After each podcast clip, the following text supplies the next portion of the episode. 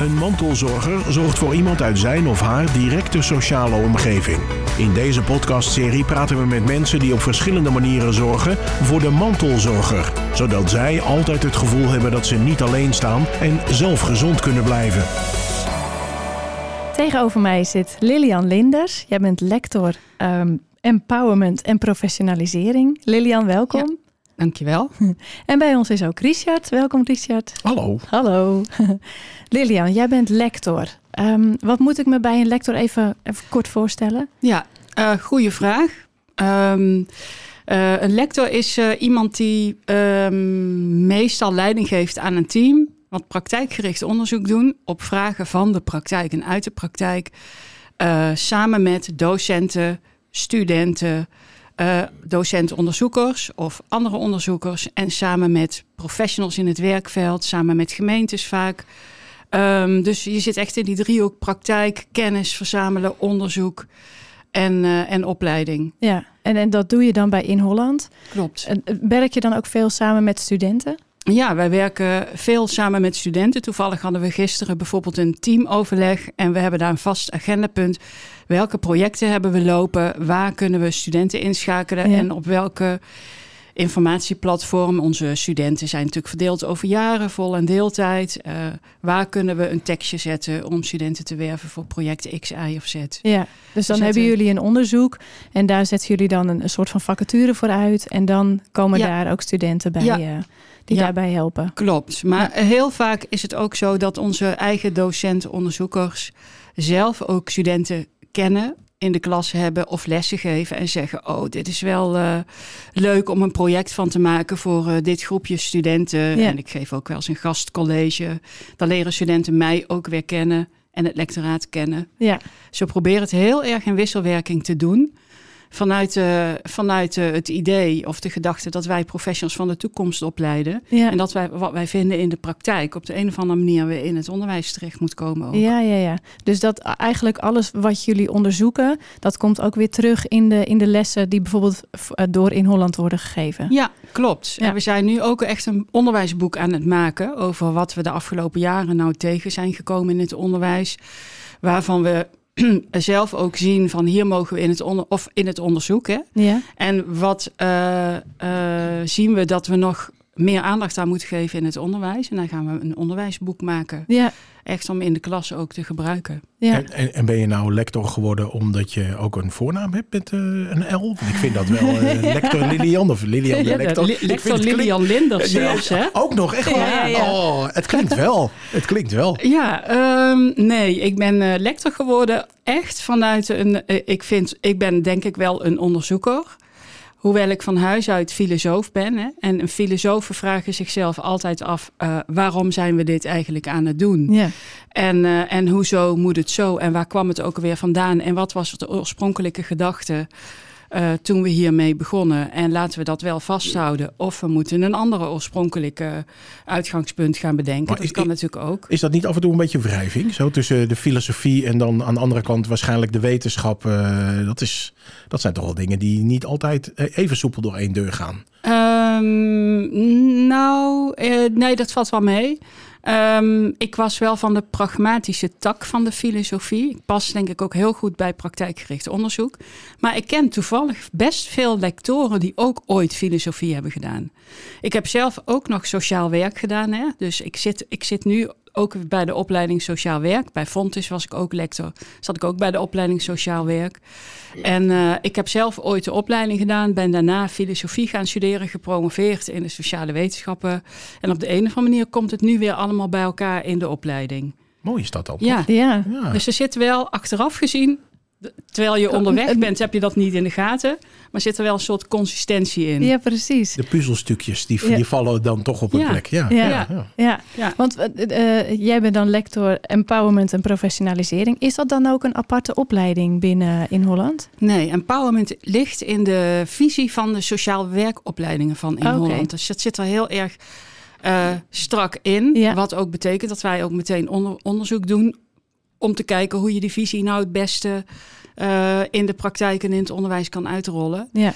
Ehm, dus het is niet een richting, maar als het goed is, maar dat is natuurlijk altijd heel moeilijk, is de opleiding daar ook van doordrenkt, van die uitgangspunten van empowerment. Ja, maar kun je uitleggen wat dat dan precies is, dat empowerment? Ja, natuurlijk. het, het, zou wel heel erg zijn als ik vervolgens met de mond vol tanden zou staan. um, ik heb, ik heb, er is een, ook een tijd geweest, laat ik daarbij beginnen, dat ik zelf wat weerstand had bij het woord empowerment. Ja. Omdat het een Engels woord is. Waarom hebben we daar nou geen Nederlands woord voor? Ehm, het is uh, ontstaan in Zuid-Amerika bij Paulo, door, ontwikkeld door een pedagoog, Paulo Freire, uh, om de emancipatie van de arbeidersbeweging uh, te versterken. Ja. En um, ja, die emancipatiegedachte zit er nog steeds heel sterk in, ook bij ons. Hè? Want uiteindelijk, het is vaak een beetje um, uh, verdwaald naar een beetje weg, weggestuurd van die emancipatie en veel meer richting zelfredzaamheid en zelfdoen. En dat is nou precies wat empowerment niet betekent. Nee. Um, empowerment betekent macht en kracht in het Engels. Ja. En dat is ook meteen de reden waarom je het woord moeilijk kan vertalen. Ja. Uh, want wij hebben niet een woord wat macht en kracht allebei betekent.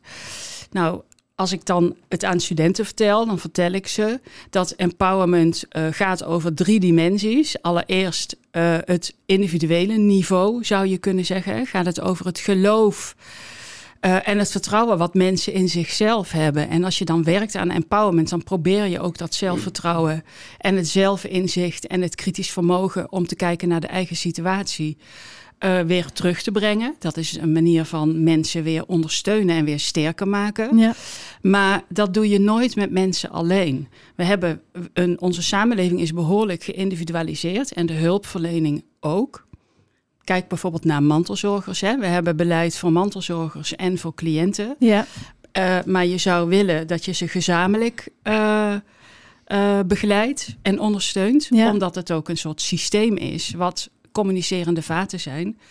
Um, het tweede niveau van empowerment gaat over die informele hulpbronnen die mensen hebben. Wie helpt jou? Wat zijn jouw vrienden? Wat zijn potentiële vrienden?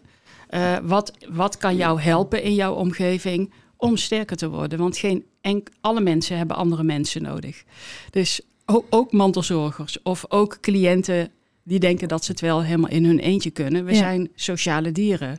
Dus dat is het tweede niveau. En het derde niveau gaat erg over die macht. Als je um, mensen uh, met een handicap, uh, die kun je eindeloos hulpverleners geven, zodat ze toch met hun rolstoel over drempels kunnen gaan. Maar je kan ook die drempels wegnemen. Ja, ja. Die drempels kunnen burgers niet in hun eentje wegnemen.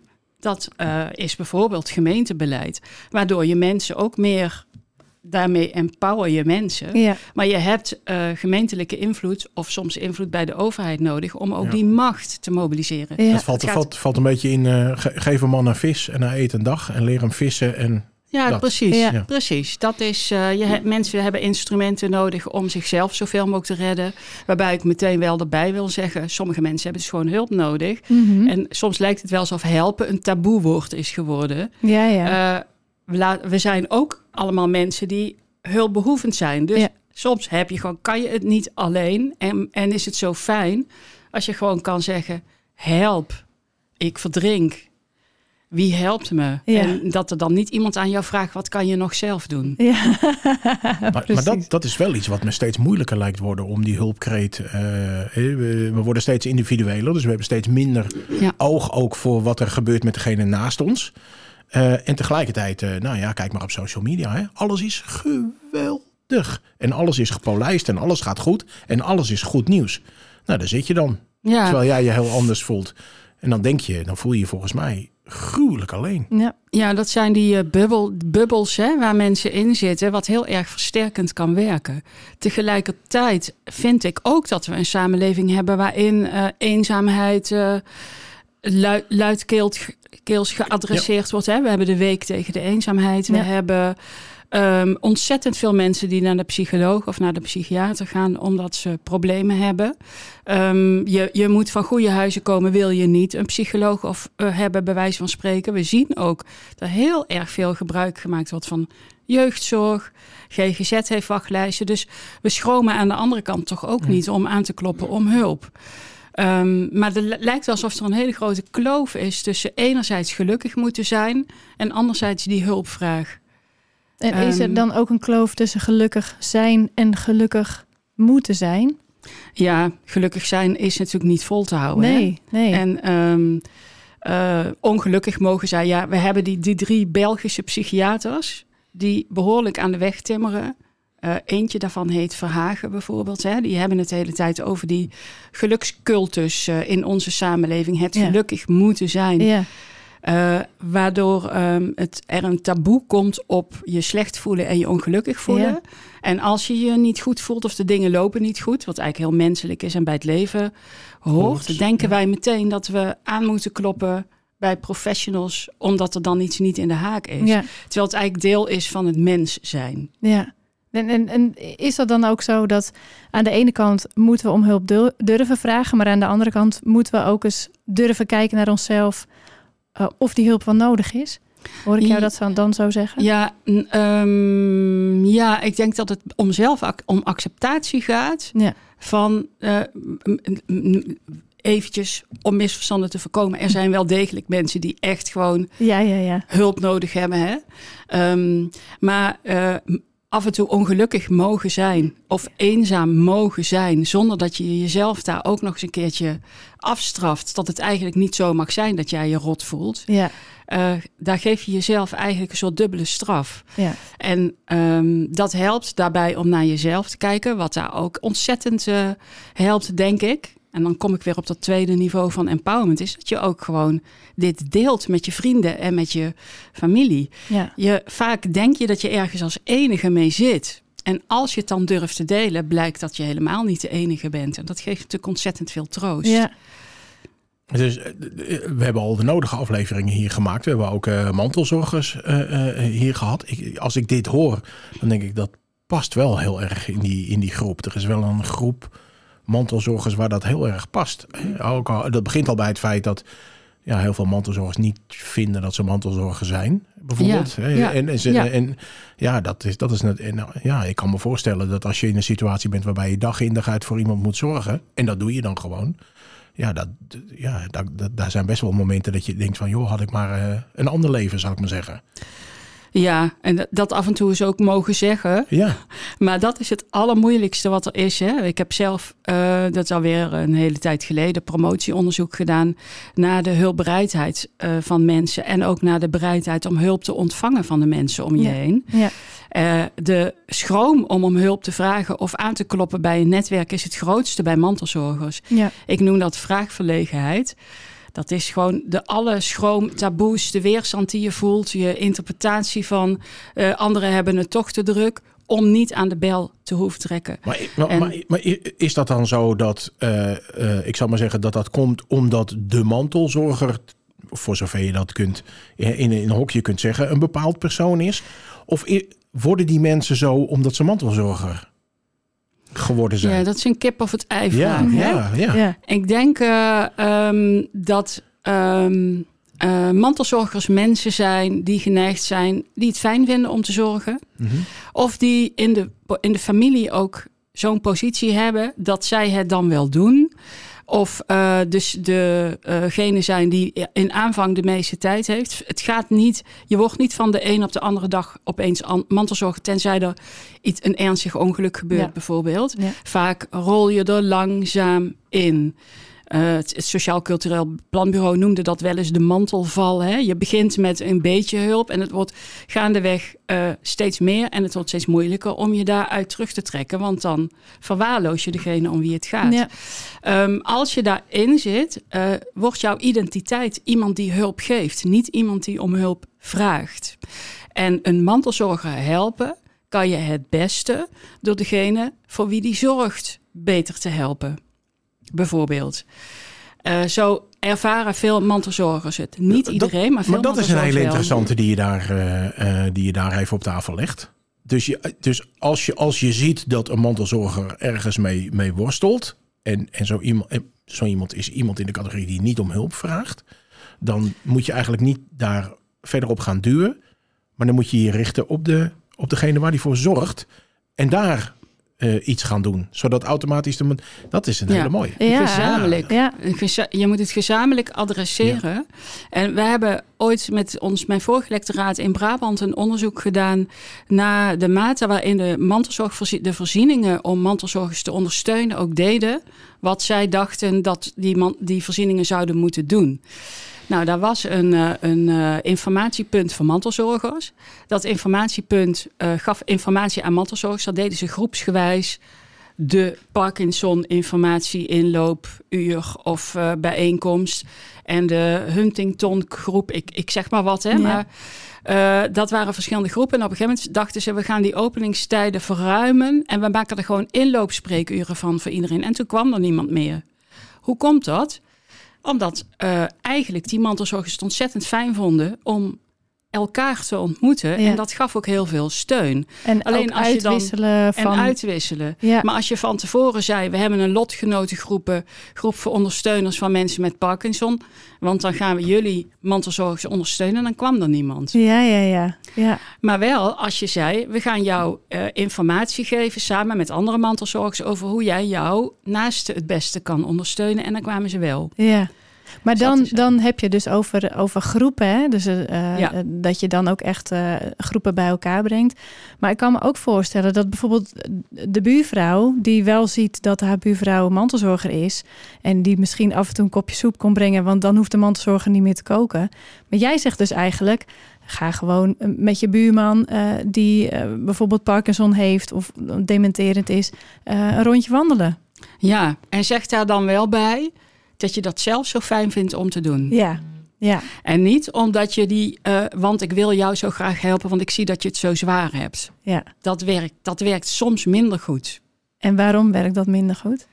Omdat eh, eh, mantelzorgers, mensen in het algemeen, het vaak lastig vinden om mensen die ze niet 100% goed kennen en vertrouwen, zoals familie, moeilijk vinden om hulp aan hen te vragen Ja. of om hulp van hen te accepteren. We kennen het eigenlijk allemaal wel uit ons eigen leven. Dat je, je, je biedt hulp aan, hey, als ik een keer boodschappen voor je, voor je kan doen, trek aan de bel. Ja, Nou, die persoon trekt nooit aan de bel. nee. Terwijl het misschien best fijn was geweest. Dus je moet het inkleden met eh, eh, ja, manieren om contact te maken, waardoor je dat vermijdt. Dat Ja. het zo overkomt van ik. Ik, ik ga donderdag toch even naar de supermarkt. Geef mij even een lijstje. Dan neem ik voor jou meteen wat mee. Precies. Ja. Ja, maakt mij niet uit, joh. Ik ga- Ja. Of, of eh, we hebben een wandelgroep. En eh, eh, eh, in plaats van dat je dan zegt: Het wordt tijd dat jij ook een keer de deur uitkomt. Dus wil je je aansluiten bij de wandelgroep, zeg je: We hebben te weinig leden. Eh, we zouden het ontzettend gezellig vinden als jij erbij kan komen. Hebben we hier ook al gehad, hè? De wandelgroep. Ja, zeker, Ja. ja. Maar, dus, en, maar je moet echt heel erg goed aanvoelen met vingerspitsengevoel hoe je dat het beste kan aanpakken. En altijd met respect voor het feit dat mensen het zelf willen, willen doen. Hè? Ja. Ja. Want je ontleent ook als mantelzorger ontzettend veel trots en bevrediging uit het feit dat jij die zorg verleent. En Ja. je moet dat niet van mensen willen afpakken, zo van ik neem het wel van je over en ik zie dat je al bijna overbelast bent. Je, je, je zou bijna moeten zeggen, joh, la- laat mij nou eens even zorgen. Ik vind het ook leuk. Precies. Weet je, dat, Ja, dat is eigenlijk ja. een beetje wat je... Ja, ja, ja. waarom ja. Waarom doe jij bedoel. alle leuke dingen? Ja, ja, nou ja, bijna wel. Ja. Ja. Ja, Wat kunnen mantelzorgers hiervan leren? Uh, mantelzorgers kunnen vooral leren dat ze ehm, niet eh, eh, gewoon echt re- eh, ook, ook verdienen dat er af en toe ook voor hen gezorgd wordt. Ja, Of zorg van hen overgenomen wordt. Dat dat mag. Dat het niet een schande is dat je zelf soms ook hulp nodig hebt. Ook al identificeer je jezelf vooral als hulpgever. ja. Want eh, als je kijkt naar het netwerk van mantelzorgers, hè, dat, dat wordt soms heel klein. Dan, eh, vooral in coronatijd hebben we dat natuurlijk wel gezien. Hè. Hoe kan je er toch voor zorgen om, om buiten dat kringetje van, van je hulp aan je naasten... en misschien nog wat naaste familieleden, de, de, de huishoudelijke hulp die nog even langskomt... hoe kun je daaruit gaan stappen? Niet zomaar, hè, maar daar zijn Ja. wel. eh, eh, ja, je hebt bijvoorbeeld respijtzorg. Hè. Er is wel een aanbod vanuit professionele hulp, waardoor jij af en toe vakantie kan hebben Ja, van je hulp. En verder is het ook, ehm, soms moet je om jezelf denken, ook al is het even misschien niet zo goed voor de cliënt. Simpelweg omdat als jij omvalt, het altijd erger wordt. Ja. En dat is ook zo'n soort bewustzijn wat je gaandeweg uh, moet creëren. Dat, dat, dat dat inderdaad zo kan gebeuren. Ja. ja. Nou hoorde ik jou aan het begin van ons gesprek ook zeggen...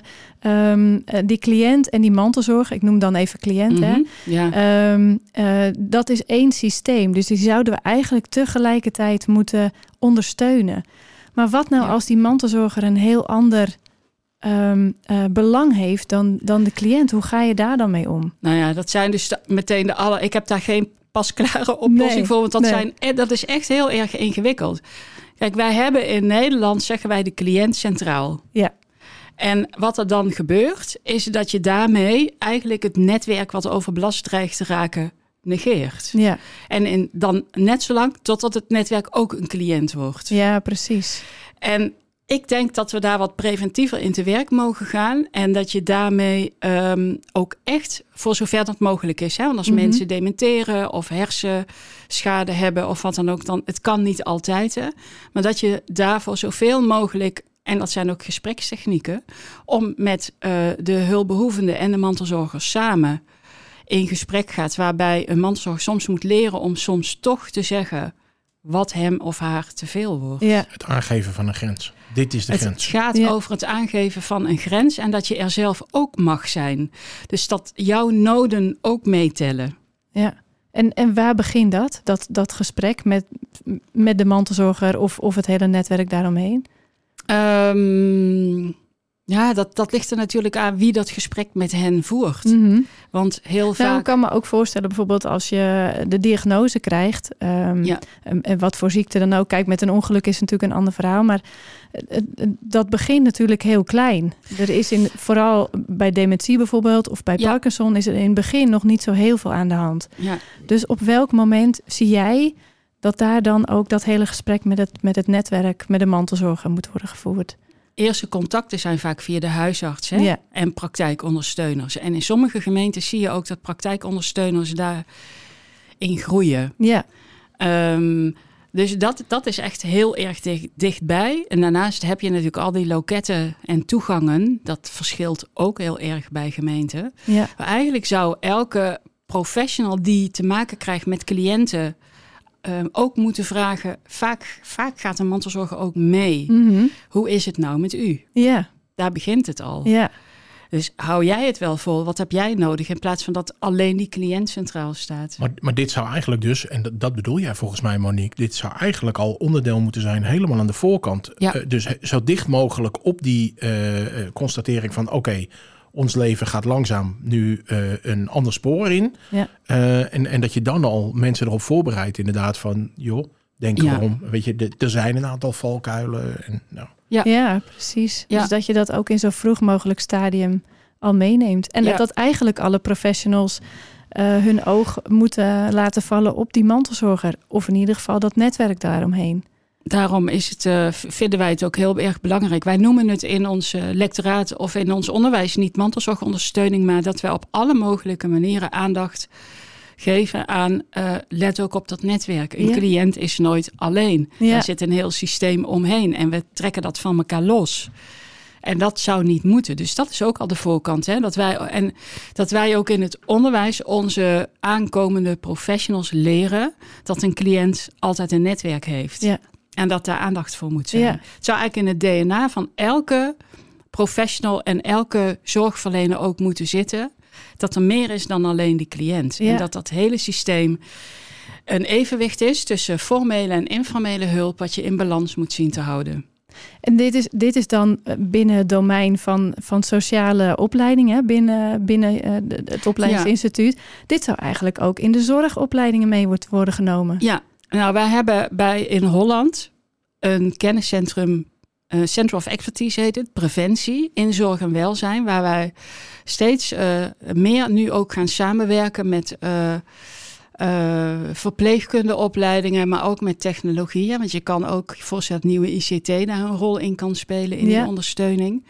Ehm, en met ehm, sport gaat het over gezondheid en leefstijl van mensen. Ja. Ook juist ook voor uh, mantelzorgers bijvoorbeeld. Ja, Dus wij zijn ook bezig om, dat st- om steeds meer die invalshoeken aan elkaar te verbinden. precies. Dus dat begint al hier bij de studenten. Ja. Dus in de toekomst eh, is Ja. dat steeds meer geborgd bij, eh, bij zorgprofessionals. Ja, en bij verpleegkundeopleidingen of een lector ouderen bijvoorbeeld is het heel erg in beeld. Maar juist ook bij sociaal werk moet dat werk ook nog wel Zeker. gebeuren. Hoor. Ja. Ja.